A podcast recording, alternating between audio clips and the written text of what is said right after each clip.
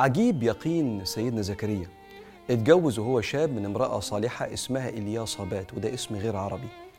واتأخرت خلفته مع استمراره الدائم في الدعاء. بيدعي من أول سنة ولم يتعب ولم يمل.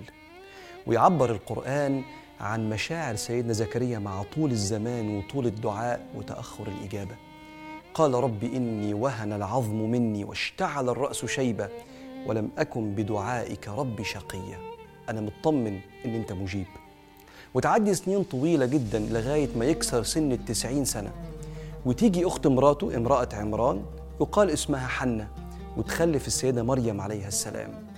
ويشوف مريم بتتولد قدامه وهو ما زال في الاشتياق والدعاء المستمر إنه يخلف. ويموت سيدنا عمران جوز أخت مراته وأبو السيدة مريم. ويتسابق أهل المدينة مين يكفل ابنة الرجل الصالح السيدة مريم عليها السلام. وكان عندهم عادة إن كل واحد يرمي قلمه في النهر والقلم اللي يبقى ولا يجرفه التيار هو اللي يفوز بالشيء اللي بيستهموا ويتسابقوا عليه. وما كنت لديهم إذ يلقون أقلامهم أيهم يكفل مريم وما كنت لديهم إذ يختصمون. وتبقى من نصيبه كفالة السيدة مريم وتكبر قدام عينيه وربنا يجبر بخاطره بتربية بنت جميلة صغيرة. لكنه مستمر في الدعاء اشتياقا للولد عشان يورث منه النبوة.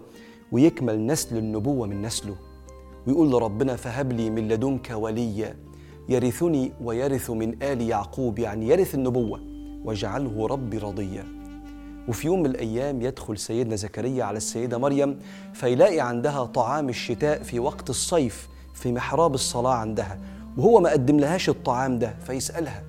كلما دخل عليها زكريا المحراب وجد عندها رزقا قال يا مريم أنى لك هذا قالت هو من عند الله إن الله يرزق من يشاء بغير حساب. هذه الكلمة اليقينية من هذه الشابة المخلصة السيدة مريم عليها السلام تشعل اليقين في قلب سيدنا زكريا ويحكي القرآن هنالك. في اللحظة دي وفي الحال ده يدخل زكريا في صلاة ودعاء هنالك دعا زكريا ربه. قال رب هب لي من لدنك ذرية طيبة إنك سميع الدعاء. فنادته الملائكة وهو قائم يصلي في المحراب أن الله يبشرك بيحيى. دي الصورة الأولى من دعاء سيدنا زكريا المليء بالخضوع واليقين الذي لم يهتز عبر الزمان. قمة الأدب رغم تأخر الاستجابة وطول الانتظار يقول لربنا في الدعاء إنك سميع الدعاء. سميع يعني مجيب. ويقول لربنا سبحانه وتعالى هب لي من لدنك والهبة هي العطاء دون أسباب ودون استحقاق. يا رب أنا اللي يشوفني يقول لي أنت ميؤوس منك إنك تخلف بس أنت الوهاب هب لي من لدنك بلا سبب يا رب ذرية طيبة. إنك سميع الدعاء. أجمل حاجة استجابة ربنا لسيدنا زكريا أثناء دعائه. وشوف القرآن يحكيها فنادته الملائكة وهو قائم يصلي في المحراب أن الله يبشرك بيحيى. ساعات وانت بتدعي ربنا يقذف في قلبك كده إن الدعوة دي هتتحقق. فقوم وانت كلك يقين لدرجة إن بعض مشايخنا كان يقوم يشكر ربنا وهو بيدعي يشكر ربنا على استجابته اللي حسها في قلبه. بفكرك بحاجة آيات قصص الأنبياء مش حكايات للتاريخ دي حكايات للتفكر والاعتبار. ربنا بيقول وكلا نقص عليك من أنباء الرسل ما نثبت به فؤادك. وجاءك في هذه يعني هذه القصص وجاءك في هذه الحق وموعظة وذكرى للمؤمنين.